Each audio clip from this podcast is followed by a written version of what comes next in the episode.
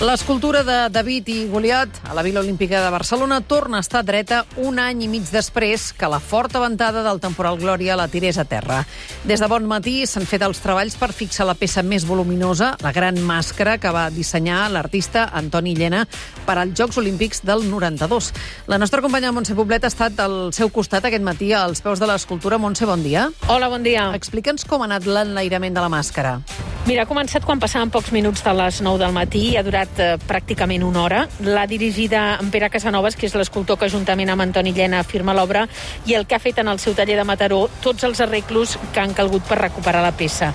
L'enlairament l'han fet dues grues que han aixecat molt a poc a poc la màscara. Té 164 metres de superfície i 9 tones, així que no era fàcil. L'han pujada i han encaixat els dos tubs que formen el nas amb dos dels tres que hi ha a la base de l'escultura.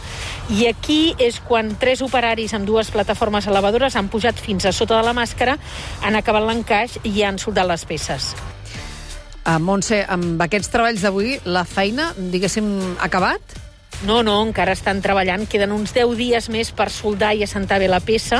Això ha estat molt complicat des de l'inici perquè el vent del Glòria va doblegar-la tota i la va tirar a terra.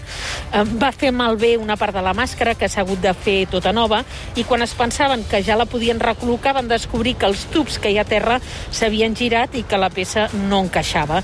L'escultor Antoni Llena s'ho ha mirat tot des de baix i a l'acabar agraïa l'esforç que s'ha fet per retornar l'escultura que va fer pels Jocs Olímpics a la seva posició original.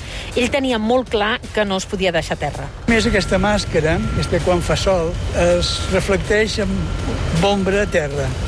Però era molt bonic, des del punt de vista poètic, per mi molt més important que el gegant caigut, aquest transitar com una ombra cada dia damunt del terra. Si això no s'hagués aixecat, aquest aspecte que per mi era molt important, perquè era l'esperit de la, de l'escultura s'hauria perdut per sempre. La reparació del David i Goliat ha costat 370.000 euros.